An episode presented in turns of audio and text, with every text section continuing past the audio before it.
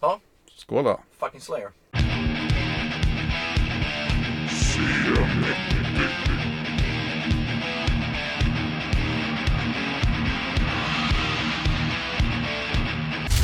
Ja, då säger vi eh, välkomna då till eh, det 31 om- avsnittet av eh, C90-podden. Ja, det bara rullar på. Ett rasande tempo. Hur är läget Niklas? Det är väldigt bra. Måste jag säga. Nu när eh, höstrusket börjar träda in. Ja. Bara vänta på det här riktiga skyfallet. Kommer väl. Och idag eh, ska vi ju ägna podden åt ett speciellt band ju. Ja. Ja.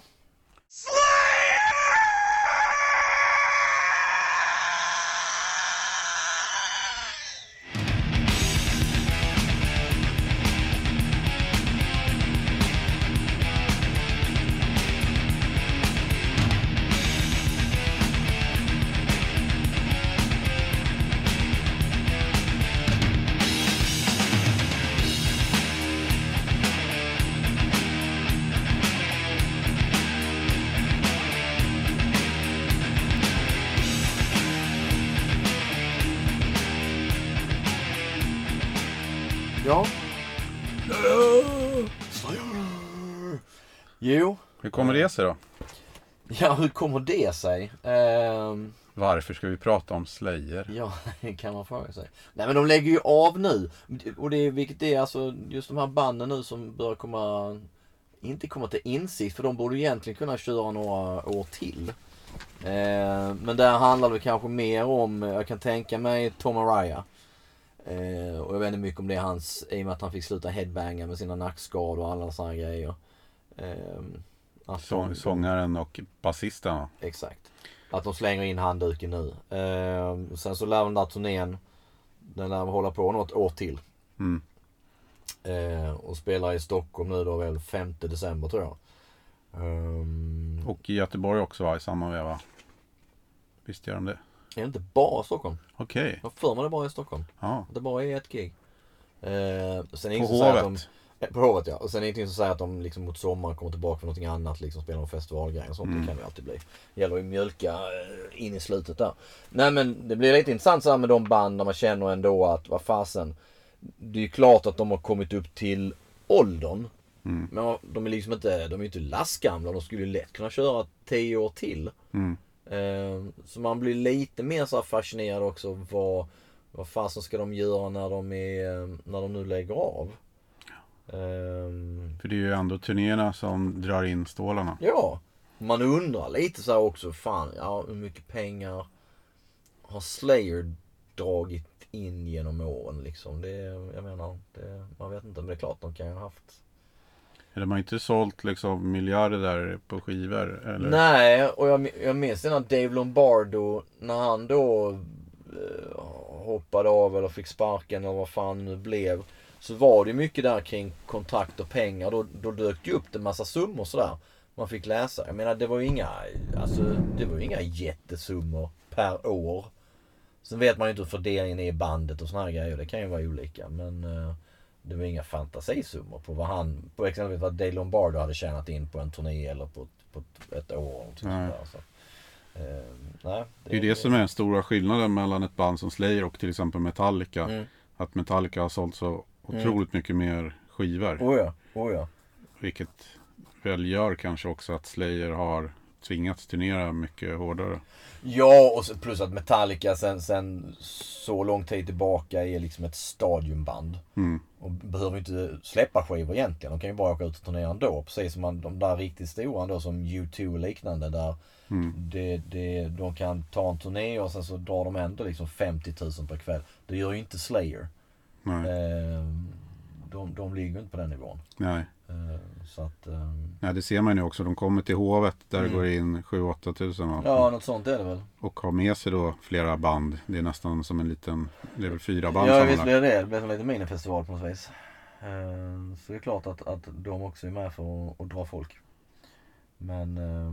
Men Slayer är väl ett sånt där band som det, det har jäkligt stor cred och det drar mycket hårdrockare. Och, Ja. Men de drar inte den här publiken som går på Metallica eller som köper nu till Ozzy och Priest när de kommer på sin Nej. sista. Nej, jag tror ändå att det är att, att Slayer är snävare. Mm. Med tanke på att det är liksom brutalare. Det är ju Mm. inte liksom en... Det är ju inte melodier på samma sätt som man står där och skålar med i. Mm. Som på ett uh, Sabaton-gig kanske. Ehm, så, eh, så det är ju... Det är ju liksom verkligen en annan genre på så vis och, och inte lika mycket för den stora massan. Ja. Ehm, så det skiljer sig på så vis. Det gör det helt klart. Men jag får känslan att Slayer ändå är ganska stora i USA även om de inte har, har eh, eh, sålt liksom så mycket skivor. Eller de Mm. har ju sålt mycket skivor men det är ju så här knappt guld liksom. På, Nej visst. Det är inte som liksom Guns och Mötley Crüe Nej, alls nej, i- nej, i nej, den nej, nej, nivån nej. så. Men det känns ändå som att de är ett väldigt välkänt band liksom över hela. Jo, jo, absolut. Ehm, helt klart. Det är de ju. Jo, nej men vad fan, de gör väl bra business som så. Det kändes Mm. också som att det blev inom rockkretsar så var det precis som att helt plötsligt så skulle alla hylla Slayer. Mm. Typ i mitten av 2000-talet sånt Mm. där. Ganska långt då efter Mm. att, att deras klassisk, klassiker då Raining Blood kom Ja, visst. 86. Ja. Så 20 år senare så blev den, Ja, ja tidigare också men, men i, det blev väldigt mycket ståhej. Och såg, de, blev, de fick till exempel en US Grammy för, så här, för årets hårdrock för en låt som Just inte ens det. var med på en skiva. just det. Nej, det var jättekonstigt och det var, det var Kerrang hyllade dem och Metal Ja. Hammer och alla, alla på något sätt var plötsligt Slayer. Ja, Så jag tror att det är många som har upptäckt Slayer sent faktiskt. eh, det, det kan det säkert vara. Jag, jag var ju sen på det. Jag var inte så sen. Men jag var ju sen på det. Jag tror också att svenska hårdrockspubliken om man ser till att när Raining Blood kom 86 tror jag Mm. inte det var så många som var med på tåget. Nej, och precis som att jag, det nog inte var liksom just samma när, när Metallica kom första gången, alltså och deras första platta. Alltså det, det tog lite tid, tror jag, innan folk plockade upp det. Sen, sen har du ju alltid de som på något vis har förmågan att ha liksom fingret på allt det där nya. Det, är li- och alltid snappar upp det och så här. Jag och då ju- var det ju så mycket svårare också när det inte fanns Oh, oh ja. internet. Liksom. Ja, ja, visst. Jag var nog alltid jävligt sen på... Men sen betydde det ju så mycket vad som till exempel Okej plockade upp. Men Okej plockade upp W.A.S.P. Mm. Som var eh, imagemässigt kanske påminde lite grann om Slayer. Jo, De ville vara så jävliga som det bara gick Ja, liksom. ja. Men, men hade då lite mer melodisk, eh, helt klart. helt klart mer melodisk eh, hårdrock. Ja, ja, ja, ja. En, en Slayer som var liksom ren thrash. Definitivt. Definitivt. Stor skillnad. Det, det kan man lugnt säga. Men när var första gången du eh, lyssnade då? Aktivt och headbangade till Slayer? och gjorde hårdrockstecknet. Ja. Jag fan är ju en av få som, som aldrig har liksom stått och slängt ut det där hårdrockstecknet. Liksom, Men det är så, jävla, det är så kul för att eh, du, vi ska komma till det sen, men Mm. du har ju träffat Gary Holt Mm, som nu är eh, gitarrist i Slayer mm, eh, permanent. ja. Och eh, på bilden när ni står tillsammans så gör han hårdrockstecknet. ja, det gör han kanske ja. Mm. Ja, just det. Det kändes ju inte riktigt okej. Nej. Eh, nej men alltså det, det, det har ju liksom, det har ju, det har ju gått inflation i det liksom. Det, det, det, det, det ser ju bara fjantigt ut numera. Plus att sen är det ju att, vad fan, Svenne Banan slänger ut det där hårdrockstecknet i tid och otid. Ja. Och oftast inte kopplat till hårdrock utan man tar ett foto så ska man stå och göra det där tecknet. Det är liksom typ som ett coolt tecken bara. Som Ja det har blivit så. det ju. Ja. Det har ju helt kommit bort från eh, man tänker med, med Dio och, och sådär. Men ehm, ja, nej. Det var inte så att du, tänkte tillrättavisa honom. Nej, abs- absolut inte. Nej, fan man tillrättavisar inte Gary Holt. Ehm, nej, men jag minns ett annat, faktiskt ett annat, det är ett sidospår, men jag minns ett annat kort. Det är, jag intervjuade Gene Hoglan, trummisen. Ehm, och ehm, då gör han också, han gör också hårdrockstecknet på det fotot. Och det var, det var först efter jag såg bilden som jag då ser att han har sån jävligt lång nagel på lillfingret. Jaha, Alltså det är skitäckligt. sån här kokain. eh, Ja, ja exakt. Ja, Det ja. är liksom som en liten kniv. Det var jäklar vad äckligt. Och så konstigt också med en trummis. Man tänker vad fan. Ja. Jag vet inte. Det kan inte vara liksom skönt. Borde skära in och så. Eh, nej men tillbaka till Slayer. Eh, Första gången. Vad sa du? Första gången du lyssnade. Första liksom. gången jag lyssnade. Alltså första gången jag lyssnade och första gången jag, jag egentligen kom i kontakt med Slayer som så. Det är ju då via polaren Micke. Eh, som för övrigt är eh, eh, Micke som tecknar Tom Bombo i eh, Close-Up. Eh, Lysande serie. ja, alltså den är jävligt rolig. Eh, Är det så att du ibland har varit med där? jag har varit med som Diamond Nick någon gång säkert ja. Det är lite grann som Rocky, att polarna så här kommer och går Ja, i serien. Ja. Oftast i någon hånande bemärkelse. Eh, men, eh, nej men han var ju, alltså vi, vi lyssnade ju på samma. Vi, vi, vi möttes ju i, i sjuan. Vårt gemensamma intresse var väl Kiss. Och det var en gemensam polare då som introducerade oss och sa att ja, men han gillar Kiss och du gillar Kiss. Och, Så vi kan så- gå och snacka. så vi kan snacka så möttes vi. Eh, och det var kärlek vid första ögonkastet där. Men eh, så vi gillade mycket det här liksom Kiss och Mötley Crüe. Han, han var mycket sen för Hanoi Rocks och så. Man upptäckte det någon gång på mitten av 80-talet. Men han köpte alltså, som jag då fick kolla med honom. Han köpte South of Heaven då 88. Vilket jag inte riktigt har något minne av. Men med tanke på hur, hur mycket vi umgicks och sådär så, så måste jag ju ha lyssnat på Slayer den tidpunkten. Och jag tyckte nog att det absolut inte var min grej. Jag var nog ganska oförstående till den typen av musik. I och med att jag var inne på mer den här melodiösa hårdrocken och det, det neonfärg och lite, det lite mer glättiga sådär. Men han köpte den och sen köpte han Season in the Abyss eh, när den kom väl. Och, och den, den minns jag för jag, jag minns att vi satt hemma hos honom i hans tonårsrum, just omslaget och det där. Att vi kollade på det.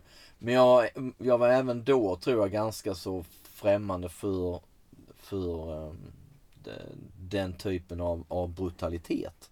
Um, precis som jag hade liksom varit med Metallica och sådär. Och, och, och mycket var att det, det såg... Um, alltså medlemmarna såg också alla de där banden man tänker tillbaka just på Anthrax och Testament och, och även med, liksom Metallica på 80-talet och, och så Slayer att de såg skitigare och mer ovårdade ut. Och det, alltså det var ju mer metal på så vis än någonting som kom från Sunset Strip eller sådär.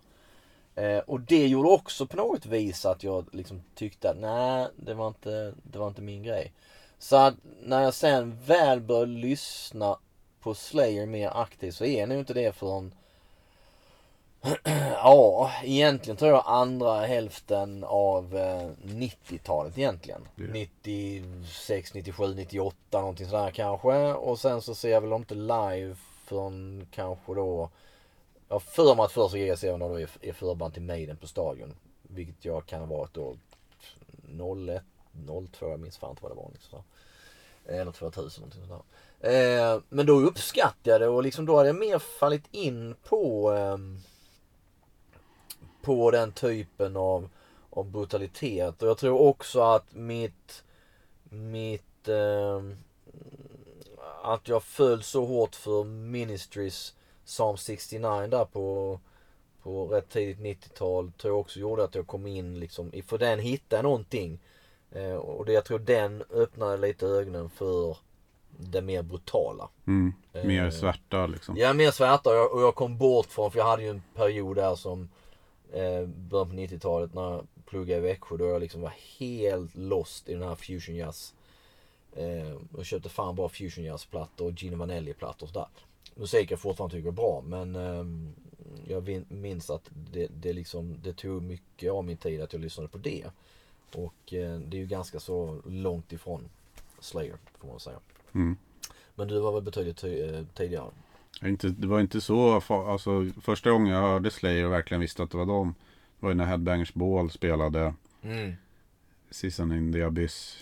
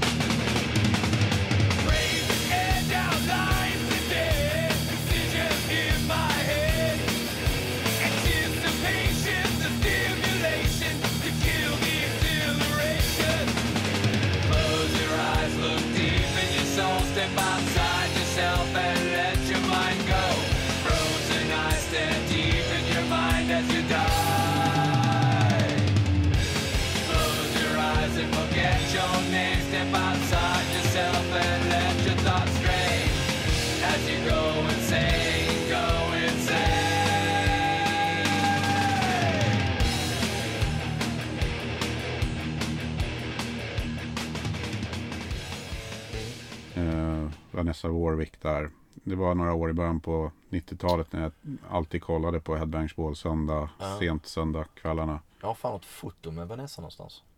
Oh. Det var så kul med henne för hon lät alltid så, Positiv. ja men så, så seriös också. Det lät Jo som men det, det var hon nog. pratade med liksom Ja. FN-politiker. Ja. Här, liksom, Exakt. och så var det typ så här, The Almighty och de här som bara stod och larvade sig. exakt. Liksom. Ja, visst, visst, visst. Jo men det, det kan ju stämma. Nej men alltså hon var ju bra. På, på så vis. Alltså, Headbangers Ball var ändå någonting man, man såg lite då och då. Man lyckades ja, känna någon kompis som hade fan parabolantenner och sån skit som man fick in det där i MTV och Mm. kunde se det. Ja, och då, då spelade de den. Och då eh, blev jag lite förvånad, kommer jag ihåg. För att jag tyckte att det var mycket mesigare och poppigare än vad jag hade trott. Jag, trodde, jag hade ja. ju aldrig, jag hade ju inte hört Raining Blood vad jag vet. Nej. Men jag hade ju läst tror jag. Ja. Att den skulle vara liksom så fruktansvärt brutal. Ja. Och det var ju mycket snack. På den tiden när det inte fanns internet var det så jävla mycket skrönor. Så här, och de har gjort Ja. världens snabbaste låt. Och, och då när de repar så börjar det blöda liksom i öronen. Ja. eh, och Raining Blood var ju verkligen en sån här platta som det var snack om. Att den, Ja. den var 29 minuter lång och allt det här liksom.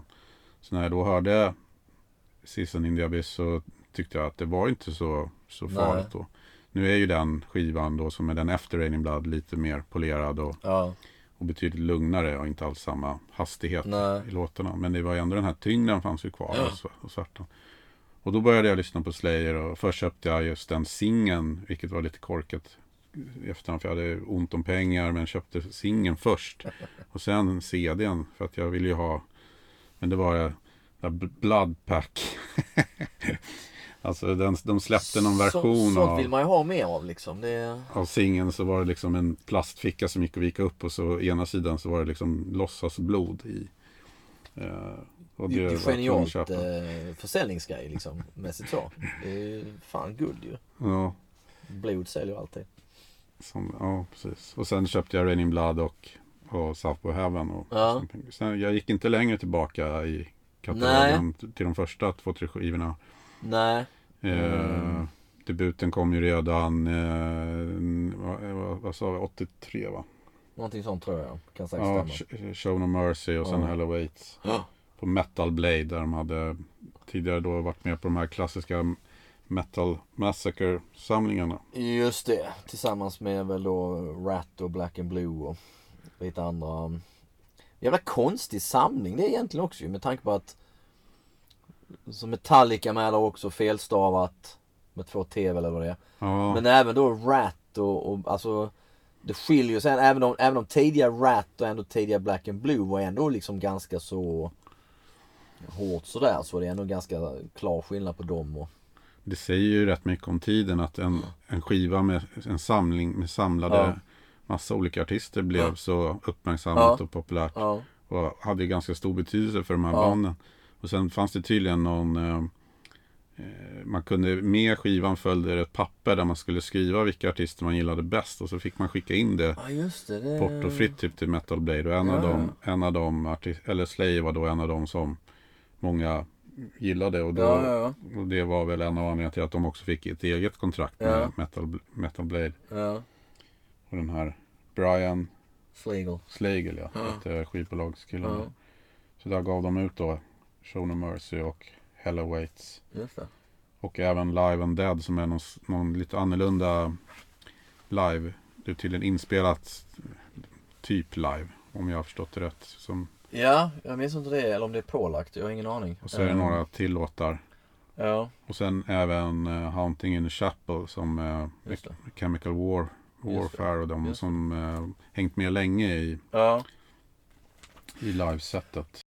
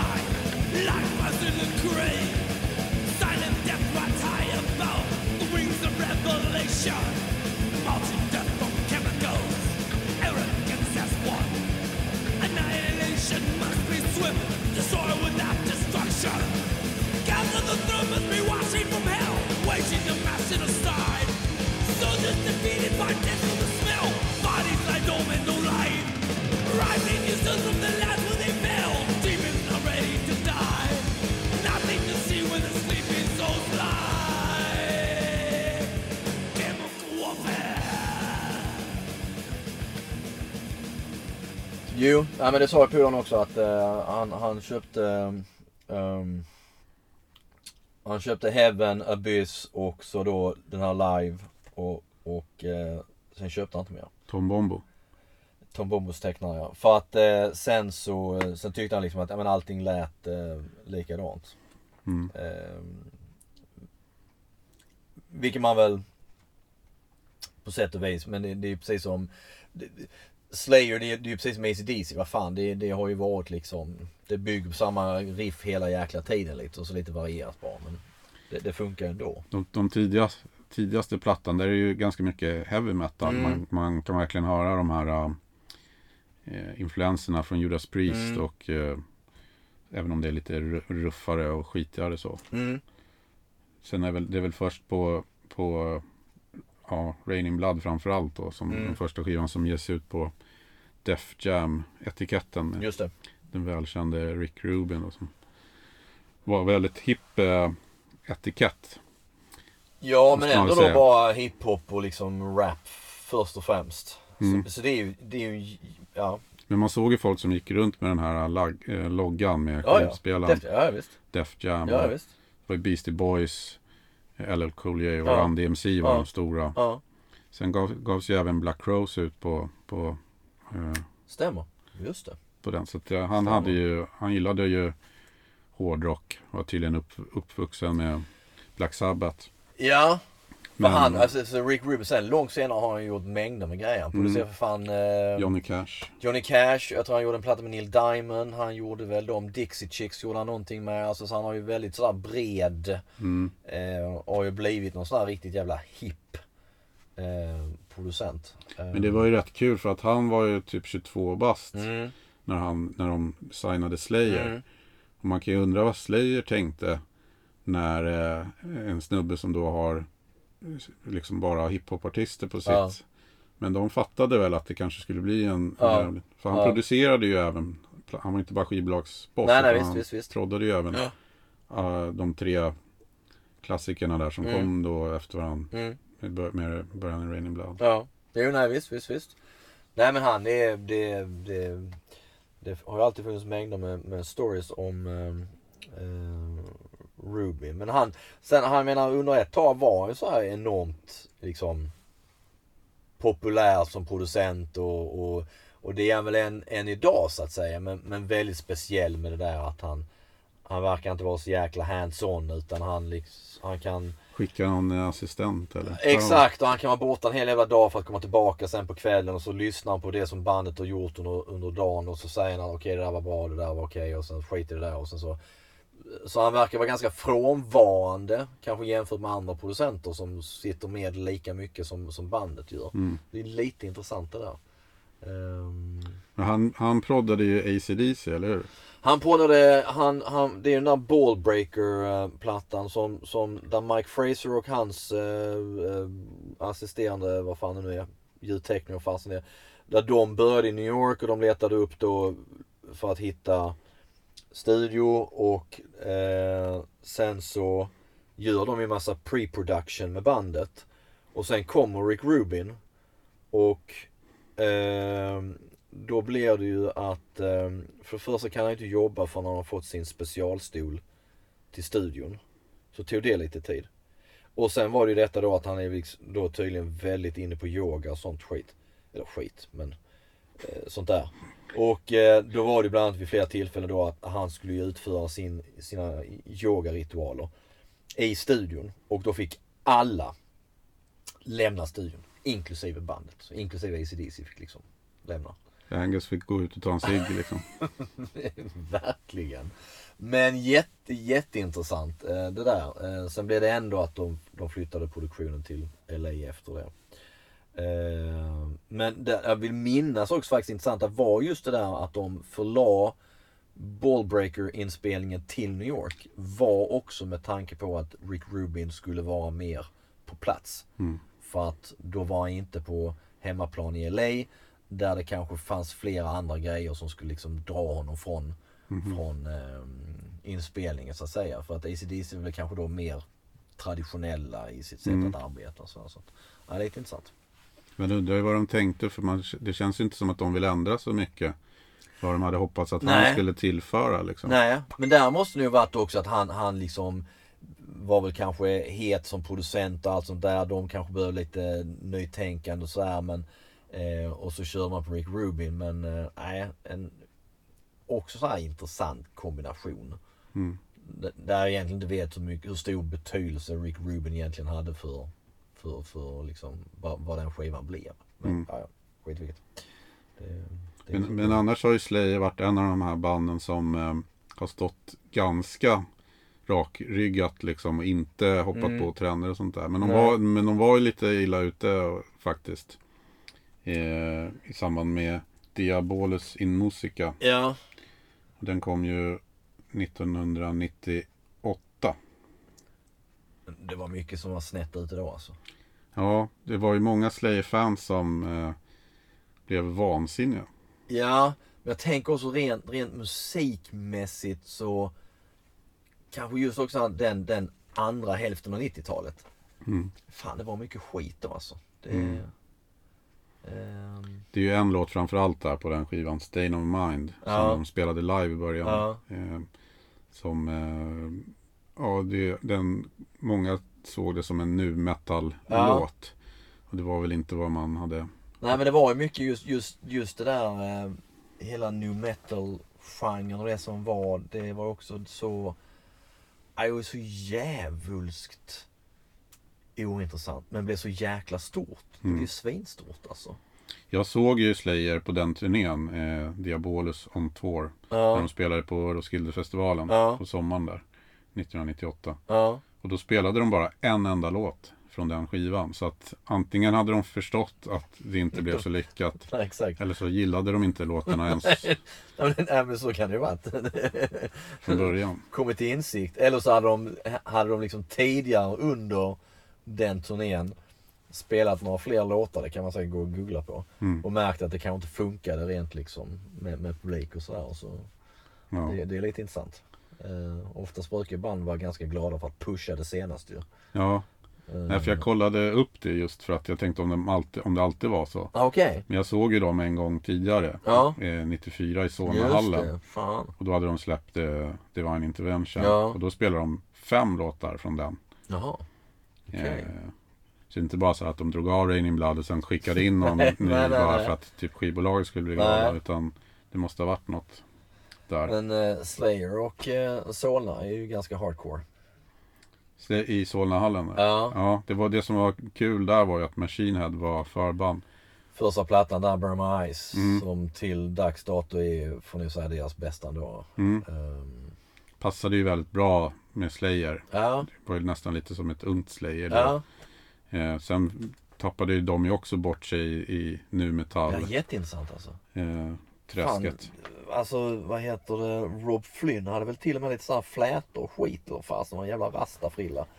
Såg inte klok ut. Ja, det finns ju en video från den Burning Red-plattan, jag tror det är From This Day. Där Ja. han har dessutom Adidas, någon så här Stämmer. och silverfärgad eh, träningsoverall hänger upp och ner. Just det. Är, är inte den plattan de gör uh, uh, Police Message in a Bug Mm, och sånt skit? mm. Så horribelt uselt. Ja.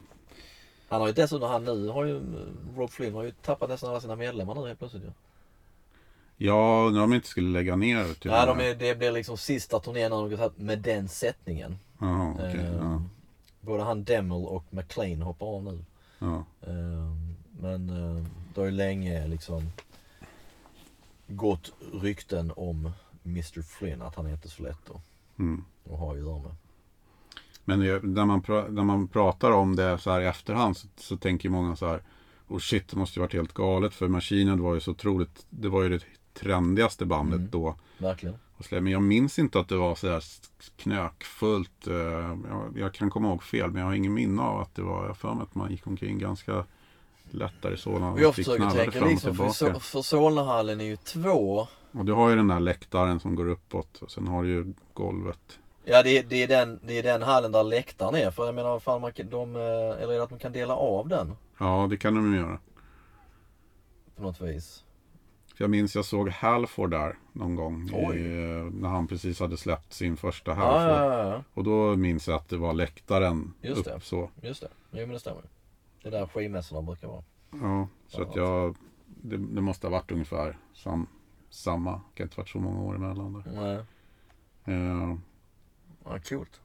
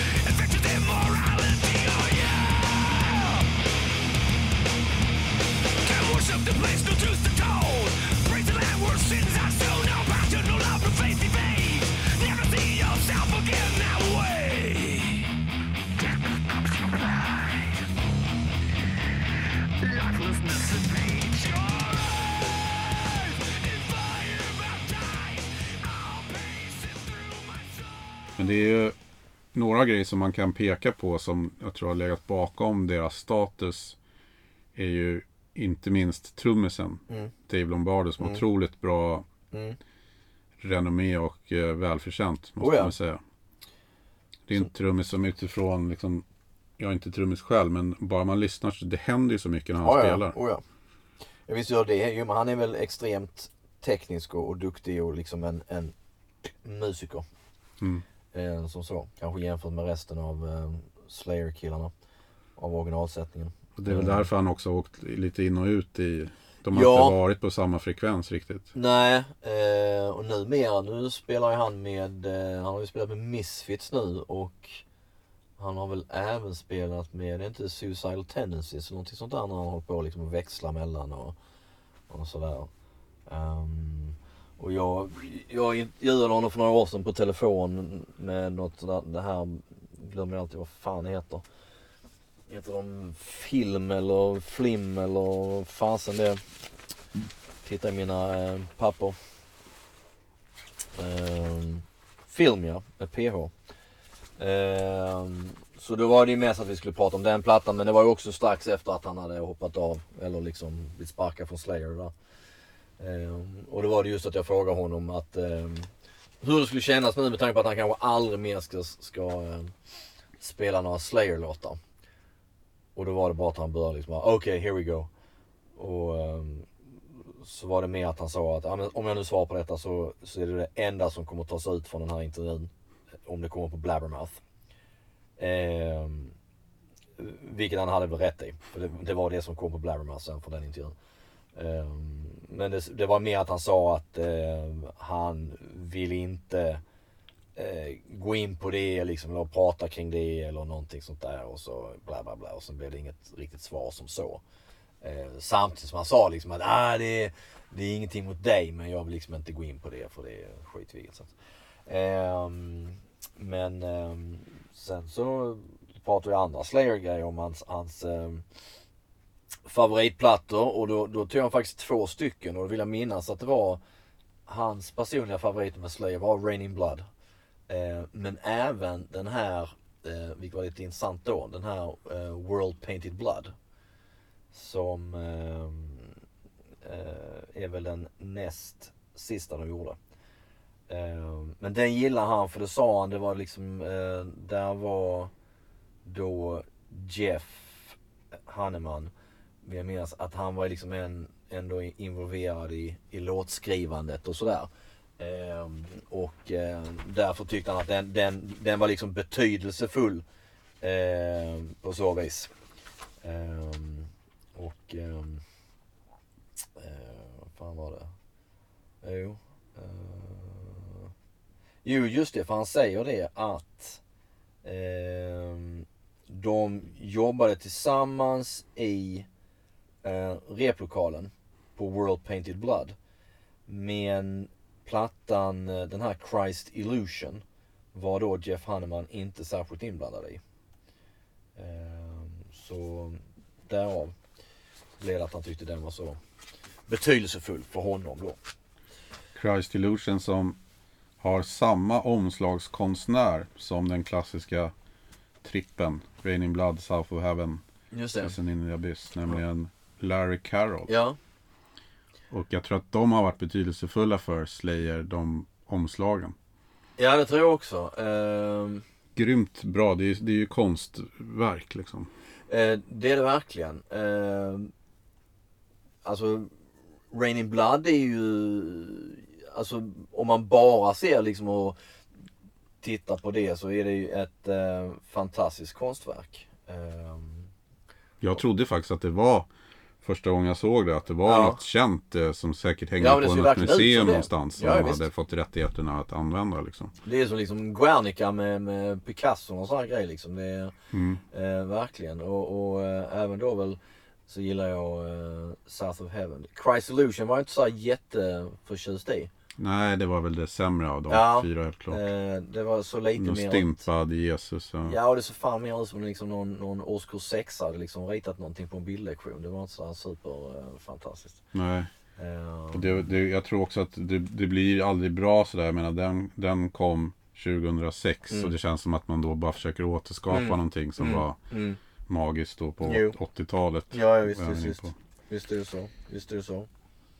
Ja, nej. Men grejen är ju också att de tre omslagen skiljer sig åt. De är inte, man, man, det skulle lika gärna kunna varit tre olika Oh konstnärer. ja, oh ja. Oh, ja absolut. Absolut. Så det är inte som till exempel om du ser Kiss här, Destroyer Love Gun. Med Ken Kelly och så här liksom. Ja, så är det väldigt likt sådär. Visst, visst, visst, visst. Nej, visst är det så. Visst är det så. Men Slayer har alltid varit bra på det där uh, med omslagen och man, Ja. man har sett till det visuella och Men det har också varit det här med, jag tänker med, med, ehm, eh, med, med, med tröjor och så att, för där har jag tyckt många gånger liksom att just att, eh, ja men just inom den genren också så är det också så här, många gånger är det liksom jävligt tacky, alltså det blir inga snygga grejer.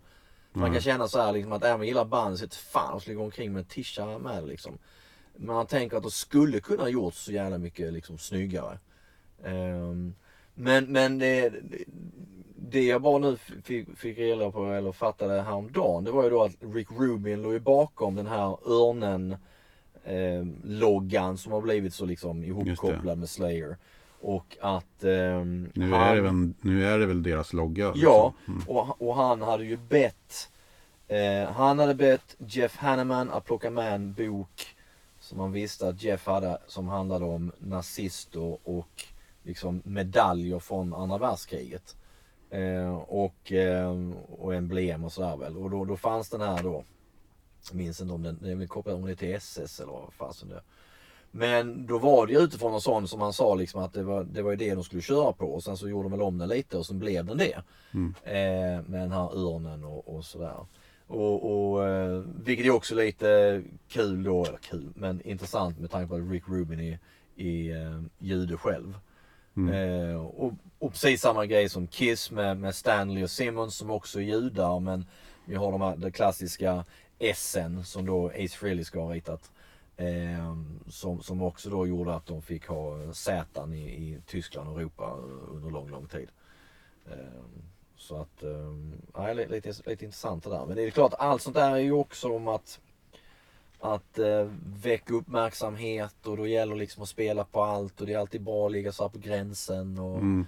ehm, och det, det är samma just i och med att vi nämnde W.A.S.P. innan så kan man ju känna så här också för W.A.S.P. var ju, alltså W.A.S.P. var ju brutala när de kom. Mm. Jag, jag liksom, idag när man är förälder själv så har man ju full förståelse att föräldrar liksom på 80-talet rygga tillbaks lite när man ser Black Lawless med liksom rått kött i munnen och rinner blod och de har en naken tjej på scen som han dessutom skär och det kommer bli så här, fan. Det var ju ganska out there för att vara ändå 80-talet. Eh, sen så Sen har man ju läst intervjuer med, med Blackie Lawless för sen blev det ganska nedtonat redan på andra plattan. Även om han hade så här huvuden spetsade, huvuden spetsade pålar så. That's command. Eh, långt senare sagt att liksom, men allt det där gjordes ju för att liksom väcka uppmärksamhet och sådär. Ibland kan jag känna så här liksom att ah, Alltså var det verkligen så? Var det det det handlade om? Och, och, och var det bara så att när de väl har fått uppmärksamheten så bör man tona ner det lite? Ibland känns det lite så här efterhandskonstruktion. Um, men um, det kan ju mycket väl ha varit så. Det, det är snillrikt i så fall. Det, Ja. Det, den kanske största na, nazi-kopplingen eh, eller ja, en, i alla fall en lika en stor nazi-koppling är ju också som var mycket uppmärksammad var ju texten till första låten på Rain in Blood, Angel of Death.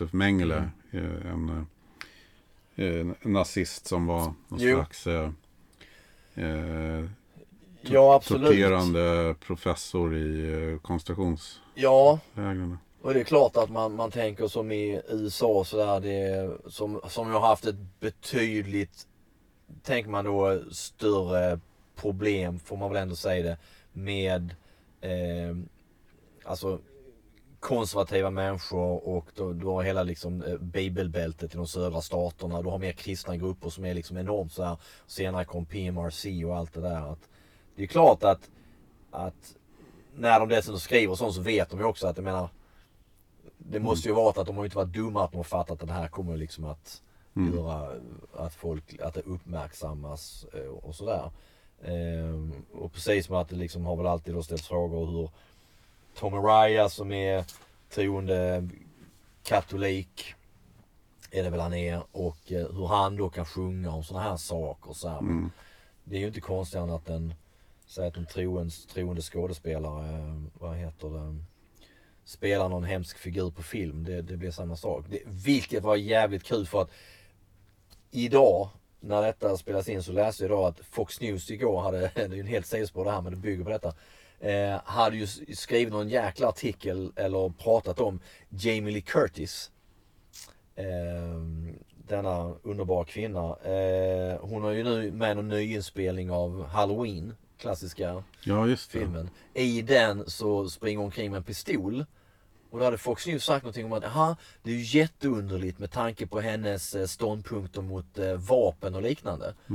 Vilket sen har ju lett att folk hade ju bara skrivit och liksom skämtat med Fox News precis hela jävla tiden här nu, ett helt dygn. Med att ehm, eh, vad gjorde att? Jo men hon, exakt, hon byter ju kropp eller vad det är med sin dotter i Freaky Friday. Trots Jamie Lee Curtis eh, strånga synpunkter mot eh, häxor och liknande och liksom mysticism och så här, Som drev ju med hela det och det är så jätteintressant. ja. Och det är så jätteintressant att idag att det fortfarande kommer upp sådana här grejer liksom. Så att det, är- nej, det är lite kul. Nej, men det, den, det som ofta blir missförstått då är ju också att det var inte så att Angel of Death är ju inte en hyllning till, eh, en, till eh, Josef Mengele. Utan det är ju mer en betraktelse, precis som att när, när folk sjunger om massmördare och sånt där så är Ja. det liksom Men, men det är ju det liksom så här trångsynta, icke liksom kunniga människor. fattar ju inte det utan de ser det då som att okej nu lovsjunger de Josef Mengele, denna hemska människa. Mm. Eh, det, och det, det är ju ännu mer fascinerande. Bristen hos människor för att liksom se lite längre än, eh, än ögat når.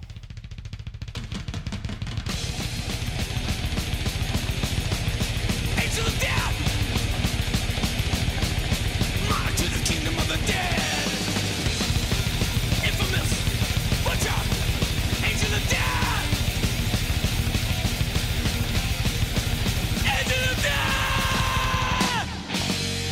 Något som var intressant var just låten eh, 731, eller Unit. Eh, Unit 731.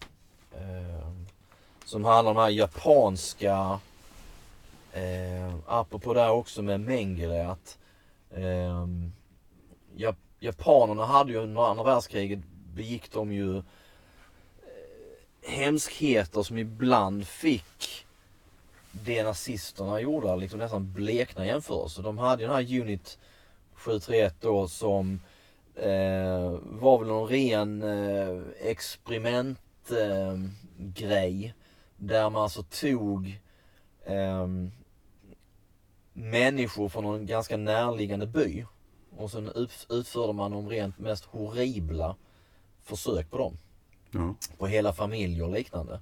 Men det är, liksom, det är så relativt okänt men det var alltså så fruktansvärt bestialiskt och sjukt. Vad skulle det känna till då?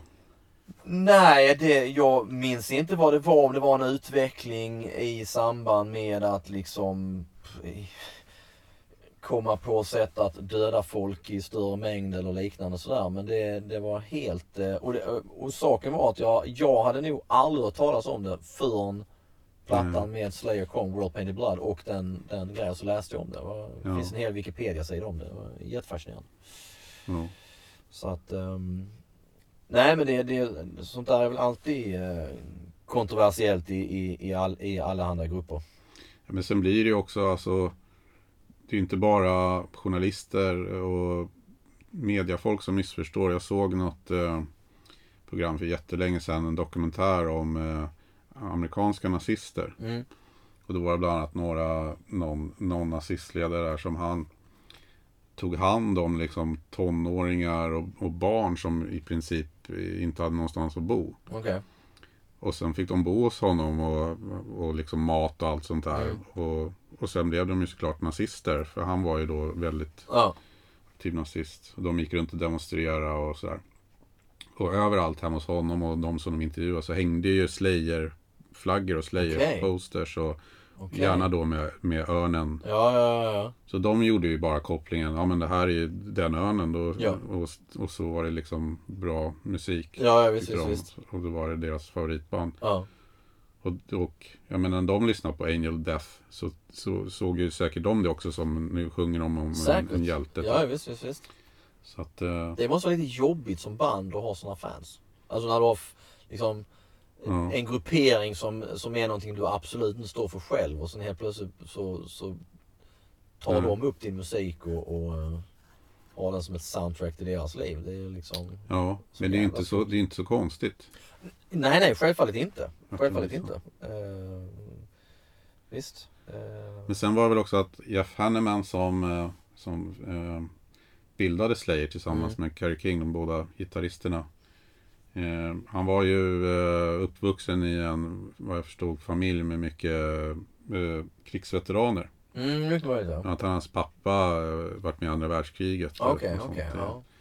Eh, så att han var ju väldigt intresserad av Mm. militärhistoria. Mm. Och det kanske var du som sa att han och Lemmy hade typ träffats under någon turné och funnit varandra genom att han hade ju samma intresse.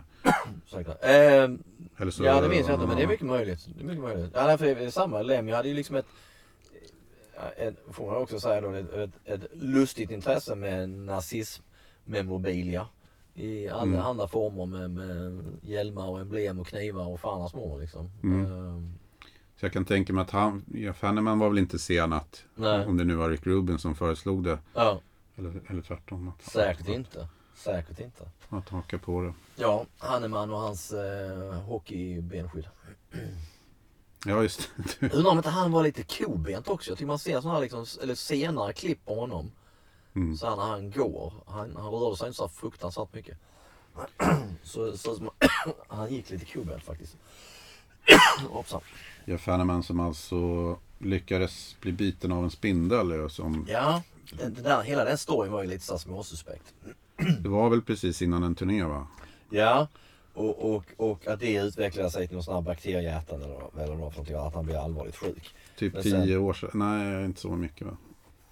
Nej, men alltså och... och Sex, men, sju år sedan. Ja, något sånt är det väl. Och men, men senare så var det ju sen då att han, eh, han dog ju av eh, alkoholrelaterade skador som så väl, om på lever och liknande. Att det var det som tog. Sen är det klart att det där spindelbettet kanske hjälpte till lite med att försvaga honom och, och sådär. Mm. Eh, men, eh, nej, men det var lite så att han såg ju lite sådär, man, man tittar på man tittar på klipp på 2000-talet med Slayer så, så ser han ju ganska så eh, liksom, han ser ju trött ut, ganska nedkörd och lite sådär eh, lite plufsig väl i, ansiktet och så. Men han var ju jävligt på snickra upp riff. Eh, utan tvekan. För det var så roligt med när, då, när de sen då plockar in Gary Holt. För Gary Holt är ju raka motsatsen. Han Mm. står ju för fan aldrig still. Han hoppar ju runt som en uh, Gutta Perka-boll på scen. Som alltså kom från Exodus då, ett Ja. av Och, thrashbanden från... eh, Ja, och jag, jag frågade eh, Gary Holt om det också just det här med att han, han är så annorlunda på scen mot Jeff Hanneman som mer eh, står stilla. Eh, så är ju han mer, betydligt mer rörlig. Eh, och, eh, men det var det mycket det att han, han, eh, han sa väl mycket det att i Exodus så är de betydligt mer rörliga och rör på sig och hoppar omkring och sådär. Så det var väl bara liksom mer eh, naturligt eh, för honom. Ehm, så att, eh, nej, han, han sa det också, vilket han har berättat tusen gånger förr också. Men första gången Gary Holt träffar Slayer, vilket är liksom långt tillbaka i tiden. Eh, så total förstörde han ju deras hotellrum. Och sen bara stack. Ehm, eh, Bra början. Ja, ja, exakt. Det är ett bra intryck, så här, första intryck. Det är lite kul faktiskt. Ja, ja nej. Nej men han är kul, jag gillar, jag gillar Gary Holt. Men, men hur var det? Fick du en tröja av honom? Eller hur var det nu? Nej jag fick ju fan inte det Men det är mitt eget fel. Eh, och och, och eh, ångrar djupt när vi satt och snackade och, och jag tog upp det där med hans Kill the Kardashians tröja som jag, jag gillade skarpt och jag, jag håller verkligen med honom detta men, men När, var- när var det du, det här var? Eh, alltså det, det intervjun med Gary Holt var förra året tror jag. När, när de spelade på Gröna Lund. Eh, Med Slayer. Med Slayer. Och, ehm, och vi sitter och snackar och han, och vi pratar om Kill the Kardashians.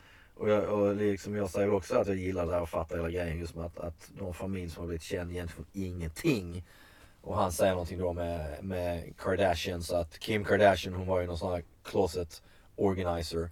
Och sen spelar hon in den här ehm, den här hemma sexfilmen. Och så blev hon då eh, en, en, en superstjärna på så vis. Och han gick verkligen in, alltså han blev, han blev ju liksom smått upprörd när vi pratade om det där. Eh, och eh, så var det då en, en kompis Jack till honom som har gjort tröjan just för att han förstod eh, hur, hur mycket han eh, hatar dem. Alltså sa han har liksom ingenting, ingenting mot det här med att de, de tjänar pengar och sådär. Men han sa då att tröjan satt, gjorde han då bara för att uh, put together just because he knows my deep, bitter, black hatred of them. Um, och uh, sen gick han fortsatte och sa I just fucking hate people that are becoming superstars for doing nothing. Vilket man absolut kan uh, förstå. Eh, men då när vi pratade om det så så tittade han på mig och så frågade han typ så här, vad har du för storlek? Och sen så sa jag, nej vad fan jag liksom jag jag brukade ha medium så här liksom numera får jag ju fan ha large. Alltså jag har blivit för tjock. Så sa jag, ah, ja, ah, okej fan, ah, jag har ju liksom bara medium. Det, ja, jag har ju haft den nu liksom turnén så den är ju ganska så här urtvättad och sånt. Och jag, jag har ju inspelning, man hör liksom mer bara mig, mig säga liksom att ah, okej, ja, men det var ju synd liksom bara. Skulle bara tackat och tagit emot för fan. Det är liksom så jävla dumt. Fruktansvärt dumt. Så att, nej, det retar jag mig på fortfarande. Väldigt korkat. Eh, men, men jag, jag gillar Gary Holt. Jag, för först tycker han ser fruktansvärt coolt ut, cool ut. Eh, och jag tycker han passar in i bandet jävligt bra. Mm. Eh, jag tyckte att han var en vitamininjektion när han kom in. Just för att han är så be- betydligt mer rörlig på scen.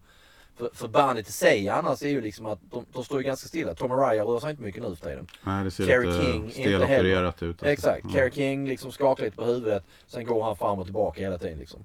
Och Jeff Hanneman står ju mest stilla han också. Men, men eh, Holt är liksom en, en jäkla fart och Han är deras Johnny Gears helt enkelt. lite, ja, faktiskt. Bra jämförelse. Men Han, sen, han svingar inte lika mycket med gitarr förstås, men det, nej. ja, det blir lite mycket på Ja, det blir lite overkill sådär. Ja, Men sen har du ju också träffat uh, Tom Araya rätt nyligen. ja det, Tom Araya är väl nu, det är ju fan snart tre år sedan. Ehm, och ehm, har till och med in, en inramad bild. Ehm, fantastisk bild tagen av uh, Therese Stefansdotter Björk. Uh, från intervjun när Tom Araya utbrister i ett, i ett otroligt skratt och jag skrattar också. Han har ett fantastiskt härligt skratt. Du drog någon Göteborgsvits då? Det var lätt någon Göteborgsvist. men eh, nej men det var, det var skitkul. Lydma hotell. Eh, tanken var från början att det skulle vara 20 minuter. Det blev sen neddraget till 10 minuter. Han och Carrie King var här och gjorde promotion för Repentless. Som lär väl bli deras sista platta. Ehm, och vi pratade lite om ditten och datten. A solo album is exactly that. Something that's solo, you can't hear it. My wife keeps telling me, you should do something. They're all asking if you're going to do a solo album. But you should do a solo album. You got some great stuff. I got great lyrics. I got ideas for lyrics. Whether they're great or not, I don't know. But I have ideas, all kinds of ideas for lyrics. So. Should listen to your wife. Arrogant,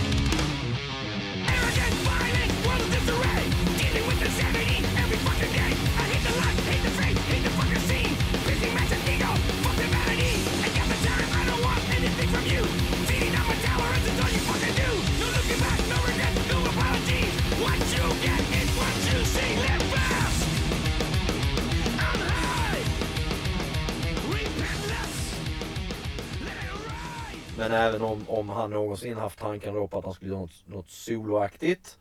Vilket kanske blir aktuellt nu när Slayer lägger av. Eh, och han berättar då att, att eh, då skulle det bli av. Han har massor med textidéer och sådär. Så han nämner någonting så här att han skriver inte särskilt mycket liksom, musik som så. Men han har mycket textidéer. Men att skulle han göra någonting så skulle det vara någonting som skiljer sig markant från, från eh, Slayers musik. Vilket var, det var kul att höra. Lite Men- fusion jazz kanske?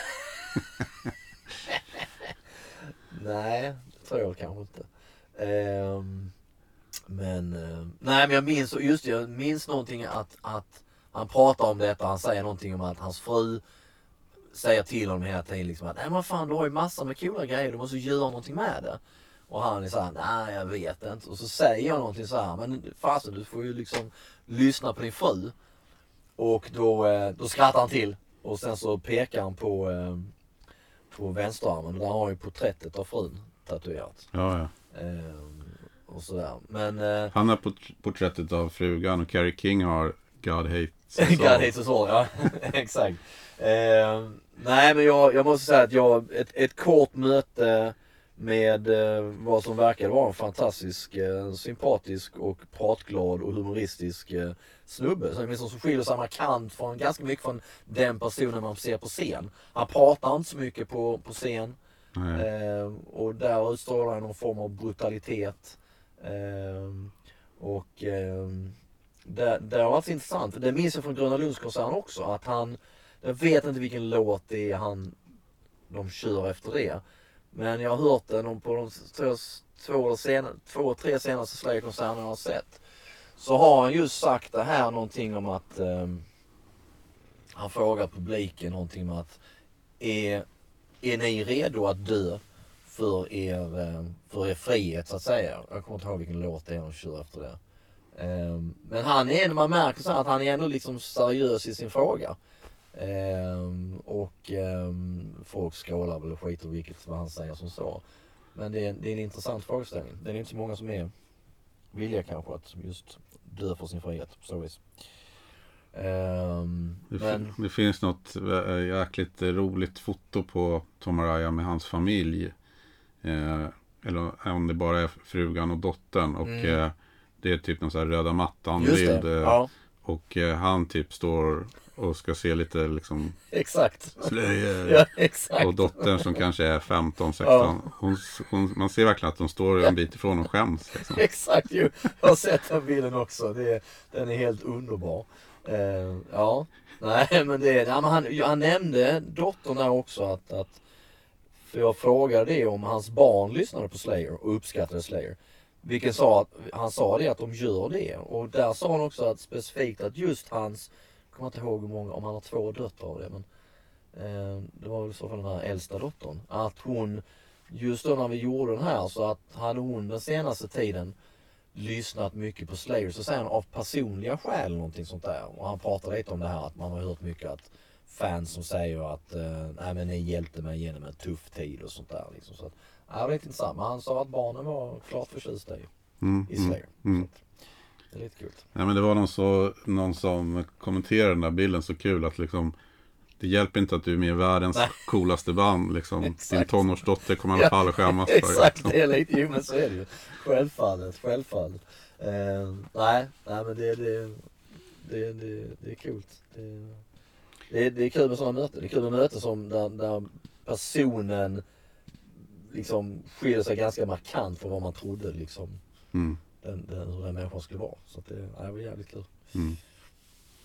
Men eh, ja, Det, det, vad har den? Vad sa du att den hade? Eh, Ja, alltså, den, den ligger, det, det är en filmad intervju så den ligger ju på, um, ska jag göra klar med. Man kan faktiskt googla på Rock-Sverige Slayer, det räcker så kommer den upp. Den är inte så lång, den är inte mer än... Eller skriva det direkt på YouTube va, som, Exakt. Mm. Eh, ja men den ligger på 440 000 visningar sånt. Vilket är jättekul. Det är Ja. fantastiskt roligt. Eh, snart en halv miljon. Snart en halv miljon, ja. Så det, det är helt galet. Så vi får se om det blir någonting nytt i december. Man kan hoppas det att man kan få, att kul att snacka med Kerry King. Det är nästan lika många som lyssnar på den här podden ju. Exakt. Visst fan är det. Det är helt galet. Det är Ja. helt galet.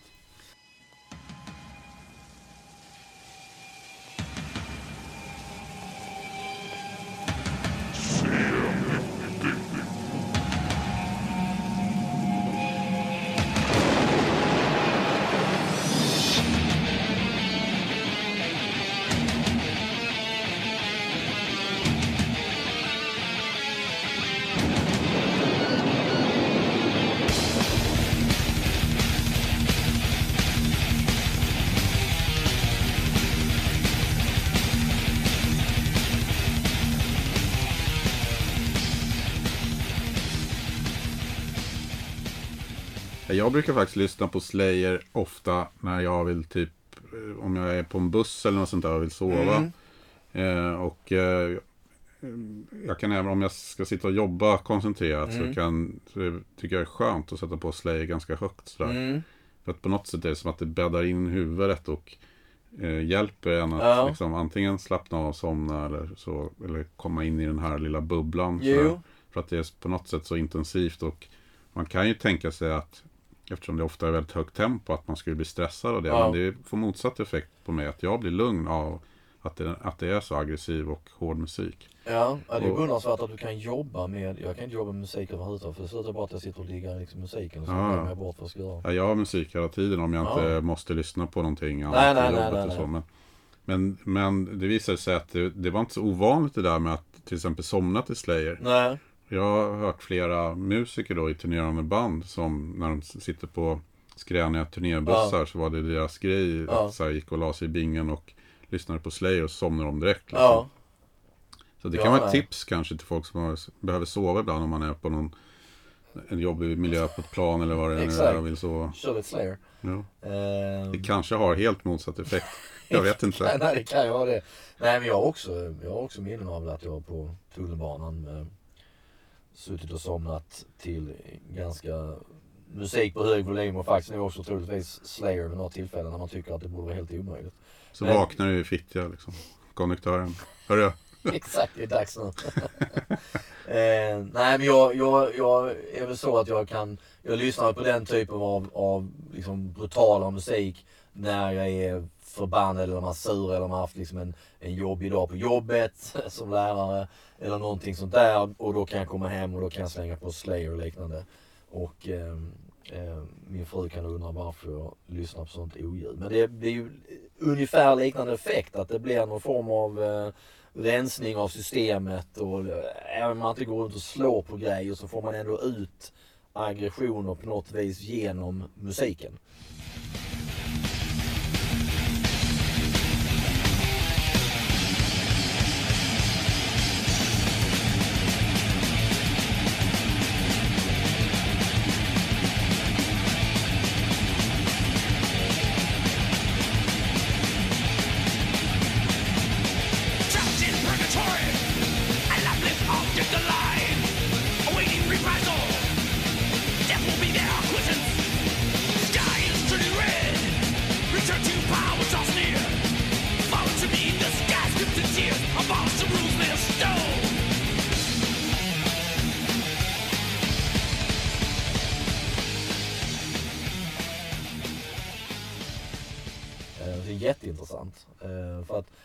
Min fru då som är lärare eh, kan ju säga att kan hon, kommer hon hem efter kanske en jättelång dag det har varit tufft med, med lektioner och elever och sådana grejer så är hon ju tvärtom. Hon vill ju Mm. liksom ha absolut tystnad och lugn och ro. Vivaldi. Ja, inte ens det tror jag. Nej, det Utan, måste vara eh, helt tyst. Helt quiet. Så att, eh, men, men man är olika på så vis. Visst, det, det är fascinerande. Men om du skulle välja tre plattor då? Vi måste ju ha en topplista. Alltså, vi måste alltid ha topplista. Eh, ja, eh, jag satt ju och lyssnade lite senast igår faktiskt och, och lyssnade igenom så här. Eh, ja, om man börjar bakifrån och eh, kör på tredje plats eh, så blir det nog Raining Blood. Eh, gillar den skarpt, där är, där är mycket bra på den. Eh, Första och sista låten och nummer nio. Det är de tre bästa. Angel of Death, Post Mortem och eh, uh, Raining Blood. ligger mycket i det. Dun, dun, dun. Eh, sen tvåa så, eh, jag är fasligt förtjust i God Hates Us All. Eh, och fascinerad över att den då släpptes 11 september 2001. Eh, tycker bara hela det är liksom surrealistiskt på något vis. Mm. Eh, men där är, där, är, där är på den som, eh, där är låtar som ehm, eh, Disciple och eh, Disciple är väl egentligen som, en, som titellåten där. Det är där Exakt, och sjunger sjunger. God Hates Us All. Ja. Eh, men det gillar som fasen och jag minns att eh, den och även då Bloodline. Försöker tänka att de, de, de videorna för dem vevades ganska Ja, Bloodline vet jag att jag har sett video några gånger. Ja men jag bara liksom, för de gick ganska ofta. Jag bara försöker tänka efter vad fasen var det? Det kan inte ha varit MTV, jag har svårt att tro det. Z, ZTV ZTV. 2001. Det gjorde det kanske. Ja, det gjorde Det det skulle nog. kunna vara, ja. det skulle kunna vara det att det var där. Ehm, nej men jag, jag, jag, det är en platta jag ofta kommer tillbaka till just när jag ska slänga på lite med Slayer så är det faktiskt Gun Hits Us eh, och eh, min etta blir South of Heaven. Och, och mycket är nu för den låten också. Eh, I mitt tycke är det faktiskt deras bästa låt med ett helt fantastiskt intro.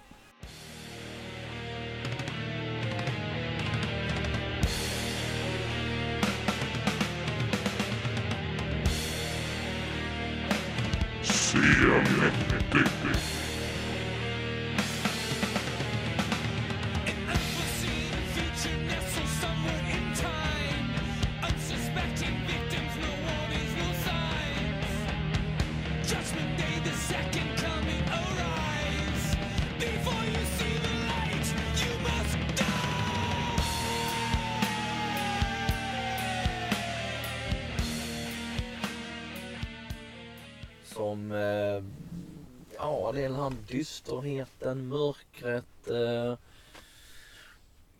jag vet inte riktigt vad det är. Det är, det är någonting med den där gitarren. Det, det eh, eh nej, eh, jag, jag, jag gillar den. Och jag tycker också att den, den är så jäkla bra live.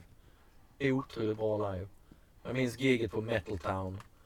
Eh, och det är mörkt och jäkligt ute och, och de, de drar den och det, nej fan. Jag gillar det skarpt. South of Heaven var ju lite besvikelse för de här Raining Blood-fansen som Mm. var med. Som tyckte ju att Slayer hade ju sålt sig för det gick ju liksom lite långsammare. Jo. Som det, så som det ofta blir i rockvärlden när man förändrar sig lite grann. Sådär. Det, det, det kan ju ändå inte vara så hårt som man tänker Kiss-fansen som gick från då, eh, man tänker eh, Love Gun 77, Alive 2 77, sen kommer soloplattorna, sen kommer Dynasty 79. Mm. Och än värre sen när The Elder kommer 81 liksom. Då måste man känna att det där måste ju fan ha Ja, tagit hårt. ja. Så att eh, då, då, liksom, då ligger ju ändå Raining Blood och South of Heaven inom samma... Verkligen. Men visst, jag kan förstå det också. Det är alltid någon som ska vara så jäkla true. Ja, så är det ju. Och sen är det ju också att det, det, det var väl lite grann så att det skulle gå så jävla fort. Det var Ja. det som skulle vara liksom det coola. Ja, ja, ja, visst, visst, visst. Men, men Slay behöll ju liksom svärtan, tyngden framför allt. Ja. Och, och, och eh, hela vägen. Jo, visst. Eh, min, eh, min trea blir South of Heaven. Ja, Okej. Mm. Eh, faktiskt. Och sen är ju då Raining Blood tvåa. Och sen är Season, Seasons in the Abyss etta. Det är så pass ja. Flera av, eh, jag har många favoritlåtar på de här plattorna. Men det är många på den. Ja. Blood Red, War Ensemble, eh, Expendable Youth. Eh, titelspåret då som var den första Mm. låten jag hörde Mm. med, med Slayer då. Mm. Och Dead Skin Mask som är liksom en, den låter väldigt ond.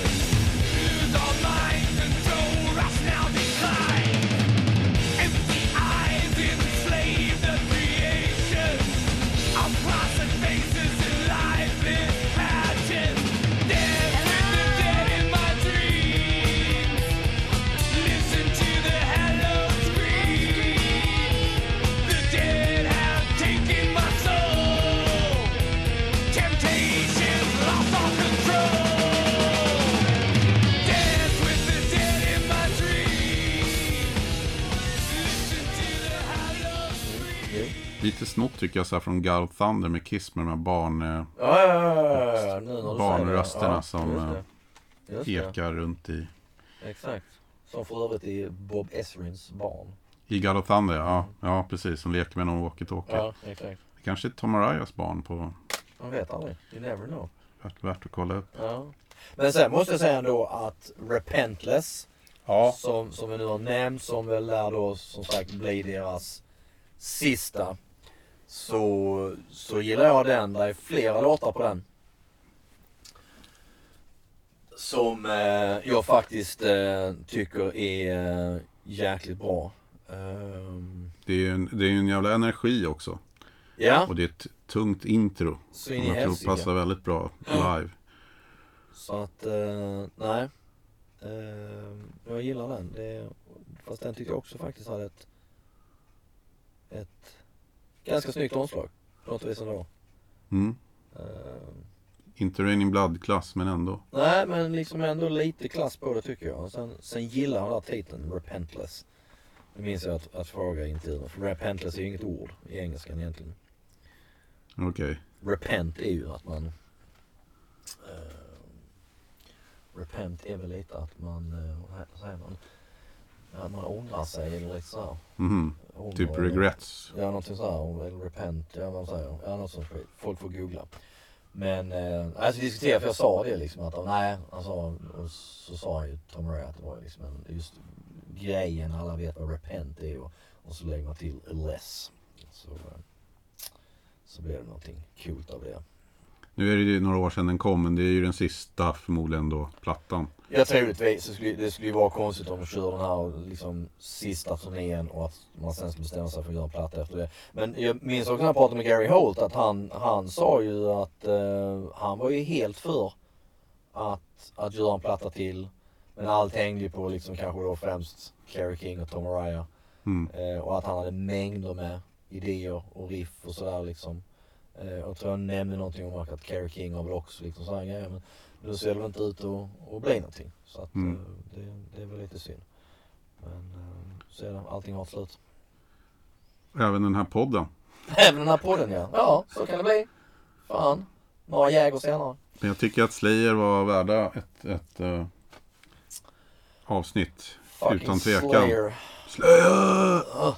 Alltid värt en, en, ett, ett avsnitt, det tycker jag. Absolut. Och så behövde vi väga upp eh, den här eh, vågen av hårdrocksballader som har liksom sköljt över oss. Ja, verkligen. Och, verkligen. och sliskigt eh, rödvin med Ja. lite stark sprit och Slayer. Ja, för helsike. Ja, men det, det, det, är ju- det är alltid kul att eh, snacka sånt här och att det kommer med lite tyngd. Så att vi får se vad, vad nästa punkt blir i podden. Vi får återkomma. Ja. Ja.